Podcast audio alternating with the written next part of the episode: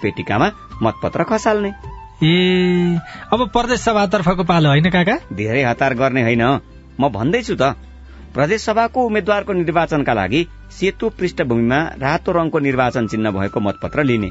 कुनै एक चुनाव चिन्हमा मत संकेत गरेपछि तीन नम्बरको स्टिकर टाँसेको मतपेटिकामा मतपत्र खसाल्ने। प्रदेश सभाको समानुपातिक निर्वाचन प्रणालीका लागि सेतो पृष्ठभूमिमा कालो रङको निर्वाचन चिन्ह भएको मतपत्र लिने।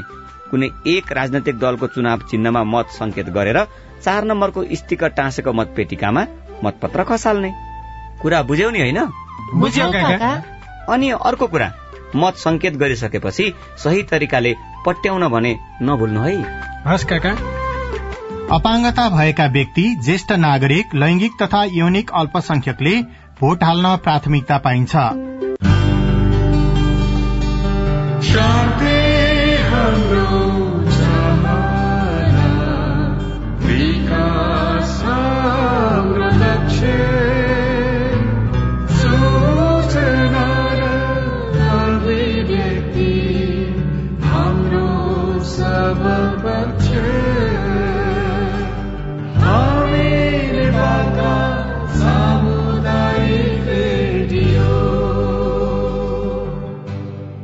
सामाजिक रूपान्तरणका लागि यो हो सामुदायिक सूचना नेटवर्क सीआईएन अहिले बिहानको छ बजेको छ।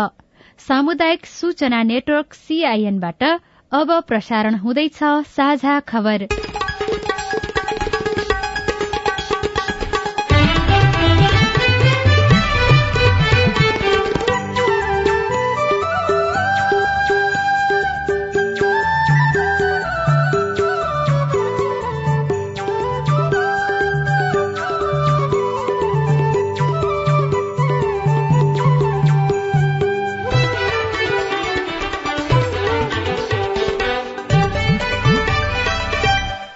प्रभात यो सीआईएनको साझा खबर हो। उषा तामाङसँगै राजन रुचालको तपाईँलाई स्वागत छ। सामुदायिक रेडियोबाट देशैभरि एकैसाथ प्रसारण भइरहेको साझा खबर सीआईएन खबर डट कम र मोबाइल एप सीआईएनबाट पनि सुन्न सकिन्छ। आज दुई हजार उनासी साल कार्तिक तीस गते बुधबार नोभेम्बर सोह्र तारीक सन् दुई हजार बाइस नेपाल सम्मत एघार सय त्रिचालिस मार्ग कृष्ण पक्षको अष्टमी तिथि। तपाईँको भोट भविष्य छनौट। मतदानका लागि अब चार दिन बाँकी। साझा खबरमा प्रमुख खबरका शीर्षकहरू। निर्वाचन पर्यवेक्षणलाई प्रभावकारी बनाउन मतदाताको भूमिका महत्वपूर्ण हुने भोलि मध्यरातसम्म चुनाव प्रचार प्रसार गर्न पाइने मतदान केन्द्रमा क्यामेरा मोबाइल लगायतका वस्तु लैजान रोक। निर्वाचन बिथोल्ने माथि निगरानी बढ़ाउँदै प्रहरी राष्ट्रिय स्वतन्त्र पार्टीका उम्मेद्वार लामिछाने विरूद्ध उम्मेद्वारी खारेजीको माग सहित उजुरी दाङमा कुसुण्डा समुदायसँग भोट माग्न उम्मेद्वार गएनन्। उनासत्तरी प्रतिशत पशु व्यवसायी सरकारी अनुदान बाहिर कोरोना बीमा भुक्तानी दिन नेपाल पुनर्बीमालाई निर्देशन। तीन महिनामा वैदेशिक रोजगारीमा गएका दुई सय अस्सी नेपालीको मृत्यु। युक्रेनी सीमा नजिकै मिसाइल आक्रमण पोल्याण्डमा दुईजनाको मृत्यु। रूसले युक्रेनलाई क्षतिपूर्ति दिनुपर्ने प्रस्ताव राष्ट्रसंघद्वारा पारित रूसद्वारा अस्वीकार। र नेपालले आज पाकिस्तानसँग अन्तर्राष्ट्रिय मैत्रीपूर्ण फुटबल खेल्दै।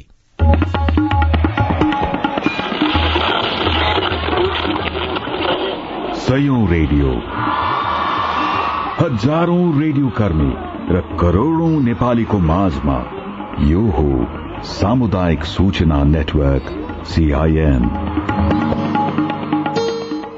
साझा खबरको सबैभन्दा शुरूमा चर्चा चुनावको। निर्वाचन आयोगले यसपालिको चुनावका लागि तीन अन्तर्राष्ट्रिय र चौवालिसवटा राष्ट्रिय संस्थाका करिब आठ हजार पर्यवेक्षकलाई निर्वाचन अनुगमनको अनुमति दिएको छ। निर्वाचनका बेला भयरहित वातावरणमा मतदान गर्न पाउने अवस्था छ कि छैन? मतदातालाई कुनै प्रलोभनमा पारिएको छ कि? बुथ कब्जा हुलहुज्जत लगायतका मतदातालाई प्रभाव पार्ने खालका अवस्था छन् कि? भन्ने जस्ता कुराको अनुगमनका लागि पर्यवेक्षकहरू खटिन्छन् तर सबै पर्यवेक्षक निष्पक्ष नभएको गुनासो पनि आउने गरेको छ। कसरी पर्यवेक्षणलाई चुस्त र प्रभावकारी बनाउन सकिएला? मतदानको दिन नजिकिँदै गर्दा काभ्रेका श्रीकृष्ण घिमिरेलाई निर्वाचन पर्यवेक्षकले कसरी काम गरिरहेका होलान् अनि पर्यवेक्षकले पूर्वाग्रह नराखी अनुगमन गर्लान् कि नगर्लान् भन्ने लागेको छ। अब स्वच्छ स्वतन्त्रताले गर्नुपर्ने हो। त्यसमा समय अनुकूल अब के गर्छन् त्यसमा कन्फ्युजै छ। काठमाडौँका सपना तिमिल सिन्हा दोस्रो पटक निर्वाचन पर्यवेक्षण गर्दै हुनुहुन्छ। निर्वाचन पर्यवेक्षकको जिम्मेवारी निकै संवेदनशील र जिम्मेवारीको कुरा हो भन्ने उहाँको अनुभव छ। मैले चाहिँ बसेको मान्छेलाई नै हजुरलाई यो कुरा भएको छ कि छैन भनेर सोधेको थिएँ कि त्यो कुरा त मलाई इम्पोर्टेन्ट थिएन होला नि त। तर मलाई चाहिँ हुन्छ नि यो कुराले चाहिँ भोलि पर्सि चेन्ज ल्याउन सकिन्छ है। अझै धेरै राम्रो हुन सक्छ है हाम्रो निर्वाचन चाहिँ भन्ने कुराले चाहिँ फिल भएको थियो कि। त्यसलाई चाहिँ मैले ग्रेट रेस्पोन्सिबिलिटीको रूपमा लिएको थिएँ। लमजुङका हरिराम पौडेलले निर्वाचन पर्यवेक्षकको काम गर्न थालेको पन्ध्र वर्ष भयो। निकै जोखिमयुक्त र चुनौतीपूर्ण काम गरिरहेको जस्तो उहाँलाई लाग्छ। तर कतिपयले पर्यवेक्षक पूर्वाग्राही हुन्छन् भन्ने आरोप लगाउँदा उहाँलाई नरमाइलो लाग्छ। पर्यवेक्षकको लागि निर्वाचन आयोगले आचार संहिता तोकिदिएको छ। ती आचार संहितालाई अक्षरस पालना गर्नु पर्यो र निष्पक्ष भएर कुनै पार्टीगत रूपमा होइन कुनै उम्मेद्वारको पक्ष विपक्षमा रहेर होइन कि त्यहाँ भएको वस्तु स्थितिलाई जस्ताको तस्तै उतारेर एउटा पर्यवेक्षकले चाहिँ नि निर्वाचन पर्यवेक्षणलाई निष्पक्ष बनाउन सक्छ। निर्वाचन आयोगले यसपालिको चुनावका लागि सड़चालिसवटा संस्थाका करिब आठ हजार पर्यवेक्षकलाई निर्वाचन अनुगमनको अनुमति दिएको छ। आयोगले पर्यवेक्षकका कामको अनुगमन गरिरहेको र आचार संहिता विपरीतका काम गरेको पाइए अनुमति खारेज गर्नेसम्मको कार्यवाही गर्न सक्नेछ। आयोगका सहायक प्रवक्ता कमल भट्टराई आयोगले पर्यवेक्षण संस्थाको अनुमति नै खारेज पनि गर्न सक्छ। यस किसिमको प्रावधानहरू चाहिँ निर्वाचन आचार संहिता र पर्यवेक्षण निर्देशिकामा राखिएको छ र सोही बमोजिम अनुगमन भइरहेको निर्वाचनलाई स्वच्छ निष्पक्ष र भयरहित बनाउन निर्धारित प्रक्रिया र मापदण्ड पालना भए नभएको सुनिश्चित गर्न पर्यवेक्षणबाट सहयोग पुग्ने आयोगको भनाइ छ। तर विगतका केही निर्वाचनमा पर्यवेक्षणमा खटिएका मध्ये केही संस्थालाई राजनीतिक पक्षधरता लिएको आरोप लागेको थियो। त्यसैले निर्वाचन पर्यवेक्षणको महत्वपूर्ण काममा सावधानी अपनाउन र जिम्मेवार भएर कार्यस्थलमा खटी कर्तव्य निर्वाह गर्नुपर्ने दायित्व पर्यवेक्षकहरूको काँधमा छ।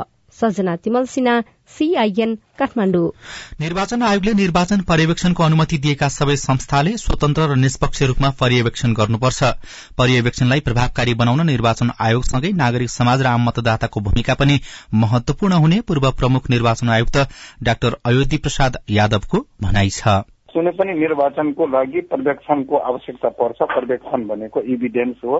सो फ्री फेयर इलेक्सनको लागि वातावरण बनाउने काम पनि हुनुहुन्छ। त्यसकारण अब पर्यवेक्षणहरू संस्थाहरू जुन छ त्यो बढी इम्पावर्ड बढी इम्पर्सियल हुन नसकेको अवस्था नेपालमा छ। यद्यपि केही संस्थाहरू यस अनुभवी संस्थाको रूपमा छ र राम्रो काम गरिराखेको पनि छ र अधिकांश संस्थाहरू प्रोफेसनल किसिमबाट छैन त्यो। आचार संहिताको अब पालन पनि गर्दैन यस्ता किसिमको पनि विगतमा देखिएको थियो। आयोगले त्यस्ता संस्थाहरू चाहिँ खारिज गर्ने काम विगतमा पनि गरेको थियो।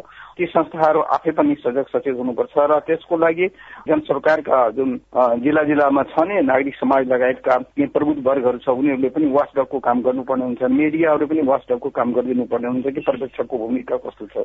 ऊ पर्यवेक्षण त गर्छन् तर उसको पनि पर्यवेक्षण गर्न सक्ने किसिमको एउटा वातावरण बनाउनु पर्छ अब बिस्तारै सुधार हुँदै गइराखेको छ। अब आगामी दिनमा पनि अझ सुधार हुन्छ मैले विश्वास लिएको छु।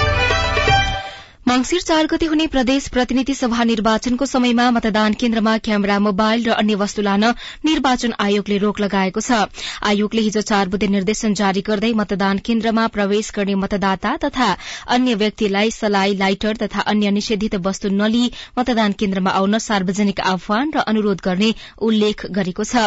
उल्लेखित निषेधित वस्तु मतदान केन्द्रमा लैजाने गरेको पाइएमा प्रचलित कानून बमोजिम तत्काल कार्यवाही गर्ने आयोगका सहायक प्रवक्ता सूर्य प्रसाद अर्यालले सीआईएनसँग बताउनुभयो। यो निर्वाचनमा चाहिँ यो अन्तर्राष्ट्रिय सिद्धान्त नै के छ भन्दा सेक्रेसी अफ भोटिङ अथवा मतदानको गोपनीयता भन्ने चाहिँ यो आधारभूत सिद्धान्त हो। यो कुरालाई प्रभावकारी रूपमा चाहिँ यसलाई कायम गर्नको लागि कसैको लोभ लालच डर धाकमा परेर मतदाताले आफ्नो गोपनीयता भङ्ग गर्ने स्थिति नहोस् क्यामेरा अथवा मोबाइलद्वारा मतदान गरेको त्यसको पिक्चरिङ अथवा त्यसको फोटो खिच्ने काम नहोस् भन्ने हिसाबले चाहिँ यो सूचना चाहिँ जारी गरिएको हो। निषेधित वस्तु मतदान केन्द्रको प्रवेश बिन्दुमा राख्ने व्यवस्था मिलाउने वा मतदान केन्द्र बाहिर निजलाई उपयुक्त लागेको स्थानमा राख्न लगाएर मतदान केन्द्रमा प्रवेश गर्न अनुमति दिइनेछ। प्रतिनिधि सभा र प्रदेशसभा सदस्यका उम्मेद्वार र राजनीतिक दलले बिहिबार अर्थात भोलि मध्यरातसम्म मात्रै चुनाव प्रचार प्रसार गर्न पाउने भएका छन्। निर्वाचन कसुर तथा सजाय ऐनमा मतदाता मतदान हुने भन्दा अड़चालिस घण्टा अघिदेखि मतगणना पूरा नभएसम्म कुनै उम्मेद्वार र राजनीतिक दलको पक्ष वा विपक्षमा मत माग्न नपाउने व्यवस्था गरिएको छ। दल तथा उम्मेद्वारले चुनाव प्रचार कार्तिक सत्र गते शुरू गरेका थिए। निर्वाचन आयोगले बिहिबार मध्यरात पछिको अवधिलाई विशेष समयका रूपमा व्याख्या गरेको छ। यसका अवधिमा राजनैतिक दलका पदाधिकारी उम्मेद्वार दलको भातृ संगठनले निर्वाचन प्रचार लगायतका कुनै पनि प्रकारका छलफल अन्तर्क्रिया र सभा सम्मेलन गर्न नपाउने बताइएको छ। यसैबीच निर्वाचनलाई सुरक्षा लक्षित गरी मंगिर एक गते बिहिबार मध्यरातीदेखि नै भारतसँगका सबै सिमानाका बन्द हुने भएको छ। बिहिबार राति एघार बजे बाह्र बजेदेखि चार मंगिर आइतबार निर्वाचनको दिन बेलुकासम्म नाका बन्द गर्न सरकारले भारतीय अधिकारीसँग समेत समन्वय गरेको बताइएको छ। प्रतिनिधि सभा र प्रदेशसभा निर्वाचनका लागि नेपाल प्रहरीले पनि सुरक्षा निगरानी बढ़ाएको छ। निर्वाचन बिथुल्ने क्रियाकलापमा संलग्न व्यक्ति तथा समूहमाथि गोप्य निगरानी बढ़ाइएको नेपाल प्रहरीले जनाएको छ। प्रहरीले मंगलबारसम्म निर्वाचन बिथुल्ने क्रियाकलापमा संलग्न एक सय पन्ध्र जनालाई पक्राउ समेत गरेको छ। नेकपा एमालेका अध्यक्ष केपी शर्मा ओली यसपटक पनि झापा पाँचबाट प्रतिनिधि सभा सदस्यको उम्मेद्वार हुनुहुन्छ। एमाले अध्यक्ष ओलीका कारण लामो समयदेखि यो केन्द्रीय राजनीतिका लागि चासोको क्षेत्र बन्दै आएको छ। दुई हजार चौसठी साल बाहेक दुई हजार अडचालिस साल यताका सबै निर्वाचनमा विजयी एमाले अध्यक्ष ओली र कांग्रेसका डाक्टर खगेन्द्र पाण्डव अधिकारी बीच मुख्य प्रतिस्पर्धा हुने देखिन्छ। अधिकारी अघिल्लो निर्वाचनमा ओलीसँग प्रतिस्पर्धा गर्न प्राध्यापनबाट राजीनामा दिएर राजनीतिमा लाग्नु भएको हो। ओलीले अधिकारीलाई अघिल्लो निर्वाचनमा अठाइस हजार आठ सय बयालिस मतान्तरले पराजित गर्नु भएको थियो। ओली पूर्व प्रधानमन्त्री र एमालेका अध्यक्ष समेत भएकाले प्रभाव धेरै भए पनि कंग्रेसका उम्मेद्वार पनि असल र बौद्धिक नेता भएको दमकका समाजसेवी नेत्र चमलागाई बताउनुहुन्छ। यो झापाको क्षेत्र नर्थ पाँच एउटा आफैमा एउटा पाण्डव अधिकारी पनि नराम्रो व्यक्तित्व होइन। झापा पाँच एमालेको बलियो संगठन रहेको क्षेत्र हो। त्यसमाथि राप्रपाले पनि एमाले उम्मेद्वार ओलीलाई नै समर्थन गर्ने बताएकोले। ओली अझै बलियो भएको अनुमान गर्नेहरू धेरै छन्। रोचक चाहिँ के छ भने गएको स्थानीय निर्वाचनमा दमक नगरपालिकाको मेयरमा राप्रपाका राम थापा कंग्रेस र माओवादीको समर्थनमा विजयी हुनुभएको थियो। राप्रपाको सहयोगले ओली अझ बलियो भएको आकलन गरिएको छ। तर नेकपा माओवादी केन्द्र नेकपा एस राप्रपाको एक समूह र ओलीसँग असन्तुष्ट रहेका आदिवासी समुदाय समेतको समर्थन डाक्टर अधिकारीलाई हुने कंग्रेसका नेता कार्यकर्ताको दावी छ।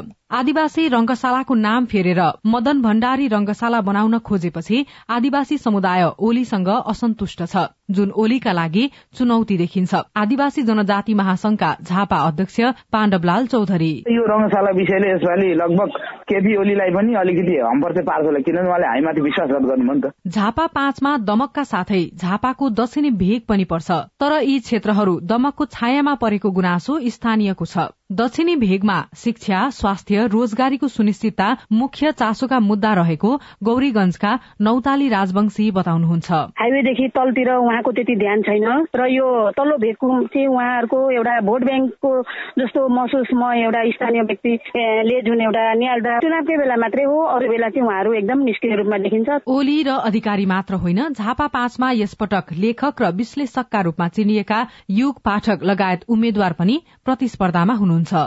सुषमा राजवंशी सीआईएन रेडियो साथी झापा।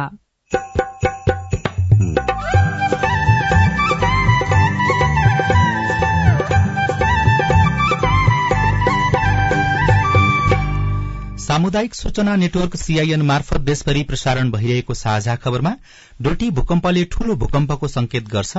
अब भूकम्प कहाँ जान्छ भनेर भन्न सक्दैन भन्ने कुरा चाहिँ हामीले सबैले बुझ्नु पर्यो। त्यसकारण आत्तिनु कसैले भन्यो भन्दैमा आत्तिनु पर्ने चाहिँ भएन।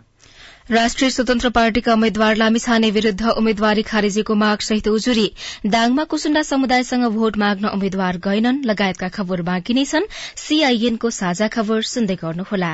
आगामी मंगिर चार गते हुने प्रतिनिधि सभा तथा प्रदेश सभा सदस्य निर्वाचन मार्फत प्रतिनिधि सभा र सातै प्रदेश सभाले निर्वाचित सदस्य प्राप्त गर्नेछन्। मतदाता नामावलीमा नाम दर्ता भई मंगिर तीन गते अठार वर्ष उमेर पुग्ने नेपाली नागरिकले मंगिर चार गते आइतबार बिहान सात बजेदेखि बेलुका पाँच बजेसम्म मतदान गर्न सक्नेछन्। मतदाताले प्रतिनिधि सभाका लागि पहिलो हुने निर्वाचित हुने निर्वाचन प्रणालीतर्फ एक मत र समानुपातिक निर्वाचन प्रणालीतर्फ एक मतका साथै प्रदेश सभाका लागि पनि पहिलो हुने निर्वाचित हुने निर्वाचन प्रणालीतर्फ एक मत र समानुपातिक निर्वाचन प्रणालीतर्फ एक मत गरी छुट्टा छुट्टै चारवटा मतपत्रमा एक एक छाप लगाउनु पर्नेछ निर्वाचनमा मतदान मार्फत आफूले चाहेको प्रतिनिधि छान्न सकिने हुँदा यो महत्वपूर्ण छ।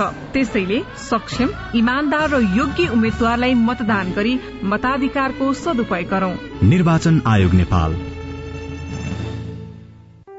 बीएससी फरेस्टीको प्रवेश परीक्षा सम्बन्धी सूचना। देशको एकमात्र प्राविधिक विश्वविद्यालय कृषि तथा वन विज्ञान विश्वविद्यालय अन्तर्गतका वन विज्ञान संकायतर्फ बीएससी फरेस्टीमा विद्यार्थी भर्ना फारम दुई हजार उनासी साल मक्सिर एघार गते राति बाह्र बजेसम्म अनलाइन भर्न सकिनेछ। साथै प्रवेश परीक्षा दुई हजार उनासी साल मक्सिर सत्र गते बिहान एघार बजे हुनेछ। थप जानकारीको लागि डब्लूडब्लूडब्लू डट डट डट एनपीमा हेर्न सकिनेछ। सम्पर्क फोन नम्बर शून्य सन्ताउन्न पाँच तेइस दुई सय अडचालिस सामाजिक रूपान्तरणका लागि यो हो सामुदायिक सूचना नेटवर्क सीआईएन तपाईँले देशभरिका सामुदायिक radio CIN Khabar dot com र मोबाइल एप सीआईएनबाट एकैसाथ साझा खबर सुन्दै हुनुहुन्छ। मोबाइल एप नेपाली पात्रोबाट पनि सीआईएनको साझा खबर सुनिरहनु भएको छ। अब बाँकी खबर। राष्ट्रिय स्वतन्त्र पार्टीका सभापति एवं चितवन निर्वाचन क्षेत्र नम्बर दुईका प्रतिनिधि सभा सदस्य उम्मेद्वार रवि लामिछाने विरूद्ध उम्मेद्वारी खारेजीको मागसहित उजुरी परेको छ। उम्मेद्वार लामिछानेले विदेशी मुलुकको नागरिकता प्राप्त गरेपछि पनि नेपालको नागरिकता त्याग नगरेकाले उम्मेद्वारी खारेजी गर्नुपर्ने भन्दै उजुरी परेको हो।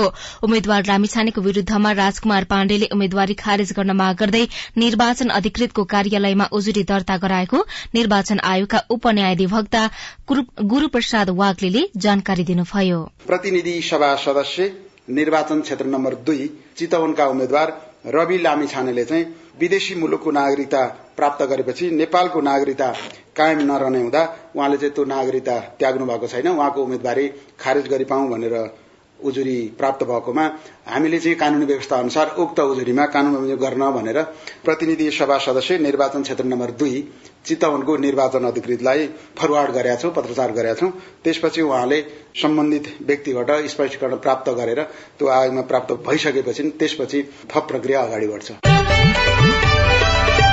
अब आज काठमाडौँबाट प्रकाशित पत्र पत्रिकाका खबर अन्नपूर्ण पोस्ट दैनिकमा कुचुण्डा जातिलाई सधैँ व्यवस्था शीर्षकमा दाङबाट लेखिएको खबर छापिएको छ। चुनावी मैदानमा उत्रेका उम्मेद्वारबीच दौड़धूप छ। मतदाताको घर दैलोमा पुग्न भ्याइ नभ्याइ छ। तर उम्मेद्वारहरूले दाङका वन राजाका रूपमा रहेका कुसुण्डाहरूलाई वास्तै गर्दैनन्। उनीहरूको घर दैलोमा भोट माग्न पनि जाँदैनन्। कुसुण्डा आदिवासी जनजातिमा सूचीकृत छन्। दाङ जिल्लाको क्षेत्र नम्बर एक र दुईमा रहेका कुसुण्डाको घर दैलोमा हालसम्म उम्मेद्वारहरू पुगेका छैनन्। लमही नगरपालिका छ। कुलमोहर र घोरही उपमहानगरपालिकाका विभिन्न ओडामा गरेर झण्डै एक जना कुसुण्डा बसोबास गर्दै आएका छन्। उनीहरूसँग जग्गा जमिन छैन। उनीहरूको समस्या सुन्न पनि उम्मेद्वार नपुगेको खबरमा उल्लेख गरिएको छ। उनासत्तरी प्रतिशत पशु व्यवसाय सरकारी अनुदान बाहिर शीर्षकमा कान्तिपुर दैनिकमा राजु चौधरीले खबर लेख्नु भएको छ। साना किसान सरकारी अनुदानको पहुँच बाहिर रहेको चर्चा चलिरहँदा व्यवसायी किसानको अवस्था पनि उस्तै देखिएको छ। उनासत्तरी प्रतिशत व्यवसायी किसान सरकारी सहुलियत अनुदानबाट वञ्चित भएको एक सरकारी तथ्याङ्कले देखाएको हो।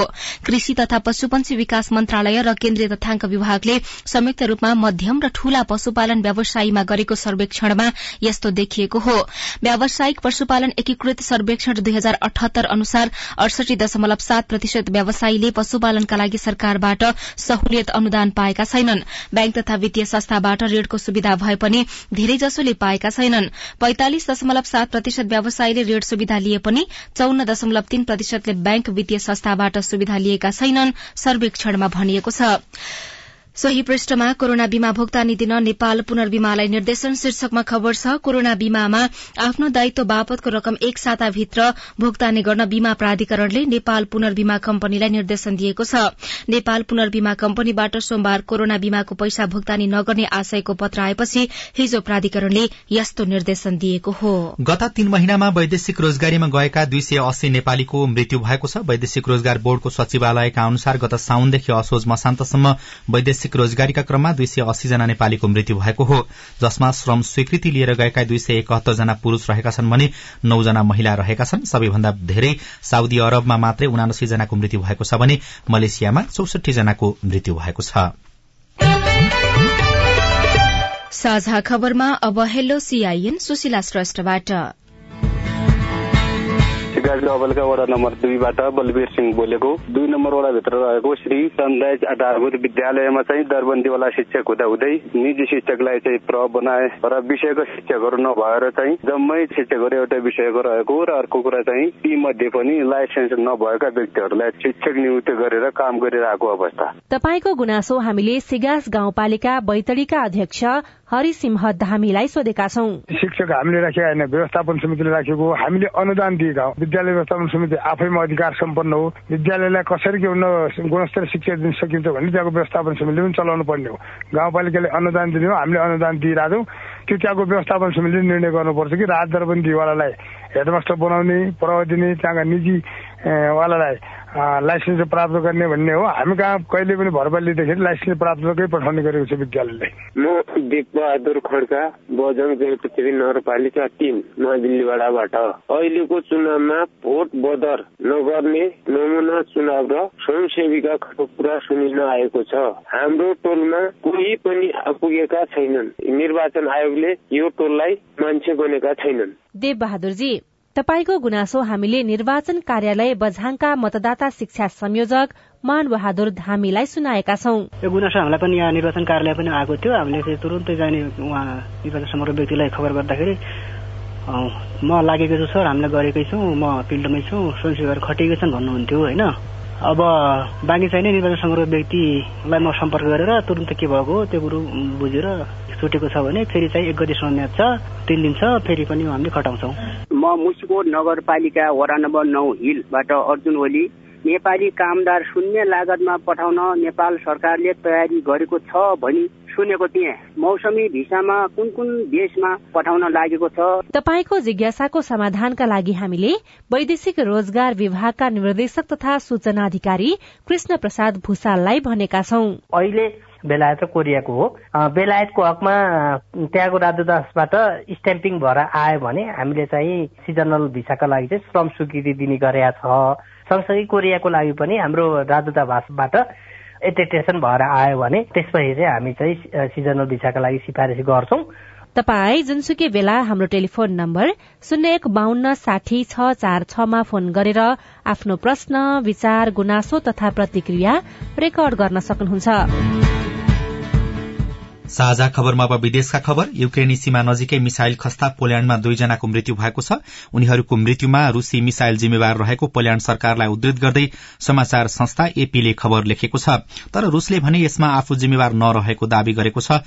घटनाको अमेरिका बेलायत युक्रेन लगायतका विभिन्न देशले विरोध पनि गरेका छन् र युक्रेन युद्धको क्षतिपूर्ति तिर्नुपर्ने अन्तर्राष्ट्रिय समुदायको माग रूसले अस्वीकार गरेको छ। राष्ट्रसंघीय महासभाले हिजो एक प्रस्ताव पारित गर्दै आफ्ना गलत कदमको परिणाम रूसले सामना गर्नुपर्ने र युद्धको क्षतिपूर्ति तिर्नुपर्ने जनाएको हो। साझा खबरमा अब खेल खबर। नेपाली राष्ट्रिय फुटबल टीमले आज पाकिस्तानसँग मैत्रीपूर्ण खेल खेल्दैछ। खेल त्रिपुर स्थित दशरथ रंगशालामा बेलुकी साढे पाँच बजे शुरू हुनेछ। पाकिस्तान फिफाको निलम्बनबाट फुकुवा भएपछि पहिलो अन्तर्राष्ट्रिय खेल खेल्नका लागि नेपाल आएको हो। र आजै नेपालले दोस्रो एक दिवसीय अन्तर्राष्ट्रिय क्रिकेटमा युएसँग खेल्दैछ। खेल किर्तिपुर स्थित त्रिवी क्रिकेट मैदानमा बिहान नौ बजे शुरू हुनेछ। पहिलो एक दिवसीयमा नेपाल युएसँग चौरासी रनले पराजित भएको थियो। पश्चिम नेपालमा गएको भूकम्प र त्यसले गर्ने संकेत के हो? रेडियो कुराकानी अरू खबर र कार्टुन पनि बाँकी नै छ। सीआईएनको साझा खबर सुन्दै गर्नुहोला। अब म हाम्रो आदर्श टोल सुधार समितिको बैठकमा राजनीतिमा महिलाको अर्थपूर्ण सहभागिताका बारेमा छलफलका लागि जुनेली मिसलाई अनुरोध गर्दछु। धन्यवाद। निर्वाचन तथा सरकारमा महिला सहभागिता न्यूनतम संवैधानिक तथा कानूनी मापदण्डहरू पूरा गर्नका लागि मात्र सीमित रहेको देखिन्छ। तर महिलाको समान राजनीतिक प्रतिनिधित्व र सहभागिता सुनिश्चित गर्न अझ धेरै काम गर्नुपर्ने देखिन्छ। नेपालको संविधानले संघीय संसद प्रदेश सभामा कम्तीमा तेत्तीस प्रतिशत र स्थानीय तहमा कम्तीमा चालिस प्रतिशत महिलाको प्रतिनिधित्व हुनुपर्ने व्यवस्था गरेको छ। महिला प्रतिनिधिलाई पूर्ण रूपमा कार्यान्वयन गर्न र राजनीतिक दलहरूमा पनि आफ्नो दलको सबै तह र संरचनामा तेत्तीस प्रतिशत महिला सहभागिता गर्नुपर्ने कानूनी व्यवस्था छ र यो अति नै आवश्यक पनि छ। राज्यका हरेक तहमा तथा राजनीतिक दलभित्र पनि समावेशी सिद्धान्त अवलम्बन गर्ने कुरा संविधानमा भनिएको छ। एकैछिन मिस राजनीतिमा दक्ष महिला नहुँदा पार्टीको माथिल्लो पदमा महिला नियुक्त हुन नसकेको भनेर दलहरूले नै भन्नु जायज हो त मिस। होइन त्यो ठिक होइन नि। राजनीतिमा सक्रिय हुन इच्छुक र उत्प्रेरित धेरै महिलाहरू छन्। निर्वाचित महिलाहरूले उदाहरणीय काम गरेका छन्। महिला पुनस्थापना केन्द्र ओरेक नेम्स केयर नेपाल र सामुदायिक सूचना नेटवर्क सीआईएन सामाजिक रूपान्तरणका लागि यो हो सामुदायिक सूचना नेटवर्क सीआईएन साझा खबरमा अब डोटी भूकम्प र त्यसको संकेत। गोर्खा भूकम्प गएको करिब सात वर्षपछि डोटीमा एक हप्ता अघि भूकम्प जाँदा छ जनाको मृत्यु भयो। त्यसपछि पनि तीन सय भन्दा धेरै परकम्प गइसकेका छन्। अर्को भूकम्पको जोखिम र पूर्वानुमानका बारेमा हामीले राष्ट्रिय भूकम्प मापन तथा अनुसन्धान केन्द्रका वरिष्ठ भूकम्पविद लोकविजय अधिकारीसँग कुराकानी गरेका छौं। बझाङमा पनि त्यो अहिले जहाँ भुइँचालो गयो डोटीको त्यो पनि नजिकै त्यसको उत्तरतर्फ होइन? अहिलेसम्मको सबभन्दा ठुलो भूकम्प चाहिँ त्यहाँ गयो जहाँ एक सय सत्तरी भन्दा बढी मानिस चाहिँ त्यतिखेरको मृत्यु भएको थियो भने दसौँ हजार घरहरू चाहिँ क्षति भएको थियो। त्यसभन्दा पछि अहिले बढी क्षति भएको चाहिँ यो त्यो ठुलो भूकम्प एउटा यो भयो। गोर्खा भूकम्प पछिको दोस्रो ठुलो भूकम्प नेपालमा आउँदै गर्दाखेरि यसले पुर्याएको क्षति त्यो क्षेत्रको भूगोलका कारणले थोरै धेरै भन्ने। यहाँको विश्लेषण चाहिँ के छ यसमा? नेपालभित्र हामी अहिलेसम्म भनिरहेको थियौँ छ रेक्टर स्केलसम्मको भूकम्प गयो भने त्यति क्षति गर्ने अवस्था छैन रहेछ। भन्ने चाहिँ हामीले देखाएको थियौँ अहिलेसम्म चाहिँ। अब अहिले यो छ दशमलव छको भयो। त्यहाँ बनेको संरचना ती घरहरू हामीले फोटोहरू पनि हेरिसक्यौँ देखिसकेका छौँ सबैले होइन? क्षति हेर्दाखेरि नै हामी प्रष्ट रूपमा थाहा पाउँछौँ कि हाम्रा संरचनाहरू चाहिँ सानोभन्दा सानो भूकम्प पनि ठेक्न सक्ने खालका छैनन्। फेरि भूकम्प दोहोरिने हो कि अथवा आउने हो कि भन्ने त्रास र चिन्तामा भइराखेको देखिन्छ। एउटा विज्ञको रूपमा विश्लेषण गर्न मिल्ने भन्न मिल्ने कुरा चाहिँ के छ यहाँको? तिन सय भन्दा बढी अस्तिको भूकम्पका परकम्पहरू रेकर्ड भइसके आइसके भनौँ न। त्यसकारण त्यसका परकम्पहरू चाहिँ आइरहेका छन् कम हुँदै जाने बेला भयो होइन? ठुलो भूकम्प जाने बित्तिकै परकम्पहरू जान्छन्। तिनी कुरा चाहिँ साधारण हो। हामीले त्यतिखेर चाहिँ भने पनि थियौँ कि केही समय चाहिँ अलिकति चनाखो चाहिँ हुनै पर्छ छ दशमलव छ। त्यो रेक्टर स्केलको भूकम्प गयो। अब त्योभन्दा ठुलो आउने सम्भावना दोहोरिने त्यस्तो खालको कतिको देखिन्छ जोखिम? त्यही कुरा आजसम्म विज्ञानले पत्ता लगाउन सकेको छैन। अस्तिको भूकम्पलाई हेऱ्यो भने राति दुई बजेको जुन भूकम्प गयो त्योभन्दा पाँच घण्टा पहिला चाहिँ बेलुका नौ बजे नै पाँच दशमलव सातको चाहिँ भुइँ भुइँचालो गएको थियो। पूर्व कम्पको रूपमा चाहिँ आइदिएको रहेछ त्यो चाहिँ। त्यतिखेर पनि हामी त्योभन्दा पछि त्योभन्दा ठुलो जान्छ भन्दा भन्न सक्ने अवस्था थिएन भने पाँच घण्टा पछि गयो। गोर्खा भूकम्प जुन रेक्टर स्केलको आयो त्योभन्दा पछाडि त्यतिकै रेक्टर स्केलको फेरि आएन होइन? त्योभन्दा पछि आएन। यसमा चाहिँ के भयो भन्दा पाँच दशमलव सातको चाहिँ आयो पाँच घन्टापछि चाहिँ त्योभन्दा ठुलो आइदियो। त्यो अगाडि चाहिँ सानो आएर पछि ठुलो भयो पूर्वकम्प आयो। त्यस्तै चाहिँ अठार सय नब्बेको भूकम्प जाँदाखेरि चाहिँ पाँच मिनट पहिला चाहिँ सानो भूकम्प आएर पछि चाहिँ ठुलो गएको चाहिँ फेरि हामीसँगै भएको रेकर्ड छ भनौँ न। दोस्रो पटक यस्तो भयो डोटीको भूकम्पमा? ठुलो भूकम्पमा हामीले हेर्दाखेरि नेपालको डेटालाई हेर्दाखेरि चाहिँ दोस्रो पटक चाहिँ तपाईँहरूले चाहिँ कसरी यसलाई व्याख्या र विश्लेषण गरिराख्नु भएको छ? सबैमा यस्तै हुन्छ भन्ने नभए हुँदाखेरि कुनैमा हुन्छ कुनैमा हुँदैन। छ भने हामीले यो भूकम्प चाहिँ ठुलो भूकम्प होइन। नहुँदा पनि के भयो हामीलाई क्षति भएको छ। जोखिम कम गर्नतिर लाग्ने हो। भूकम्प जतिखेर पनि जान सक्छ भन्ने कुरा एउटा दिमागमा राखिराख्नु पर्यो। जोखिम कम गर्नलाई संरचनाहरू चाहिँ बलियो बनाउन बिस्तारै नयाँ बनेका अलि बलिया छन् राम्रो छ भने पुरानो भएको अवस्था त्यस्तै छ। जोखिम त्यति नै छ। अब भूकम्प कहाँ जान्छ भनेर भन्न सक्दैन भन्ने कुरा चाहिँ हामीले सबैले बुझ्नु पर्यो त्यसकारण आत्तिनु कसैले भन्यो भन्दैमा आत्तिनु पर्ने चाहिँ भएन। भविष्यमा यदि छिटो अथवा यो टाइममा चाहिँ जान सक्छ जान्छ भनेर भनिदियो भने जान सक्छ भन्ने कुरा त ठिक भयो सबैले भन्ने हामीले त्यही भयो। तर त्यो कुरालाई लिएर आत्तिनु पर्ने तनाव फैलाउने चाहिँ काम चाहिँ गर्न कसैले पनि भएन र हामीले त्यसलाई चाहिँ तनावको रूपमा लिनु पनि भएन। राष्ट्रिय भूकम्प मापन तथा अनुसन्धान केन्द्रका वरिष्ठ भूकम्पविद लोक विजय अधिकारीसँगको कुराकानीसँगै हामी साझा खबरको अन्त्यमा आइपुगेका छौं। सामुदायिक रेडियो प्रसारक संघद्वारा संचालित सीआईएनको बिहान छ बजेको साझा खबर सक्नु अघि मुख्य मुख्य खबर फेरि एकपटक। निर्वाचन पर्यवेक्षणलाई प्रभावकारी बनाउन मतदाताको भूमिका महत्वपूर्ण हुने भोलि मध्यरातसम्म चुनाव प्रचार गर्न पाइने मतदान केन्द्रमा क्यामेरा मोबाइल लगायतका वस्तु लैजान रोक। निर्वाचन बिथोल्नेमाथि निगरानी बढ़ाउँदै प्रहरी राष्ट्रिय स्वतन्त्र पार्टीका उम्मेद्वार लामी छाने विरूद्ध उम्मेद्वारी खारेजीको मागसहित उजुरी दाङमा कुसुण्डा समुदायसँग भोट माग्न उम्मेद्वार पुगेनन्। उनासत्तरी प्रतिशत पशु व्यवसाय सरकारी अनुदान बाहिर कोरोना बीमा भुक्तानी दिन नेपाल पुनर्बीमालाई निर्देशन। तीन महिनामा वैदेशिक रोजगारीमा गएका दुई सय अस्सी नेपालीको मृत्यु। युक्रेनी सीमा नजिकै मिसाइल आक्रमण पोल्याण्डमा दुईजनाको मृत्यु। रूसले युक्रेनलाई क्षतिपूर्ति दिनुपर्ने प्रस्ताव राष्ट्रसंघद्वारा पारित रूसद्वारा अस्वीकार। र नेपालले आज पाकिस्तानसँग मैत्रीपूर्ण फुटबल खेल्दै। साझा खबरको अन्त्यमा कार्टुन लिएका छौं राजधानी दैनिकबाट कुरी कुरी शीर्षकमा उत्तम नेपालले बनाउनु भएको छ। यहाँ माओवादी केन्द्रका अध्यक्ष पुष्पकमल दाहाल प्रचण्ड जस्ता देखिने व्यक्ति हुनुहुन्छ भने अर्का व्यक्ति चाहिँ नेकपा एकीकृत समाजवादीका अध्यक्ष माधव कुमार नेपाल जस्ता देखिने व्यक्ति हुनुहुन्छ। नेपाल जस्ता देखिने व्यक्ति चाहिँ एकदम निराश भएको जस्तो देखिन्छ। त्यस्तै प्रचण्ड जस्ता देखिने व्यक्ति चाहिँ उहाँलाई फकाई फुलाई गर्न लाग्नु भएको जस्तो देखिएको छ। काँधमा थुमथुमाउँदै हुनुहुन्छ। अनि हार्ने चिन्ता गरिरहेका नेपाललाई उहाँले यसो भनेर सम्झाउनु भएको छ। तल चाहिँ यस्तो लेखिएको छ। कोला कोला कामरेड कति आत्या भन्या चुनावमा बहुमत नआए म छु त काँध थाप्ने। किन चिन्ता गर्या हवस् त प्राविधिक साथी सुभाष पन्तलाई धन्यवाद। अहिलेलाई राजन रुचाल र उषा तामाङ विदा भयौं। तपाईँको आजको दिन शुभ होस्। नमस्कार। यसपछि देशभरिका सामुदायिक रेडियोबाट कार्यक्रम साझा पहल प्रसारण हुनेछ। सुन्ने प्रयास गर्नुहोला।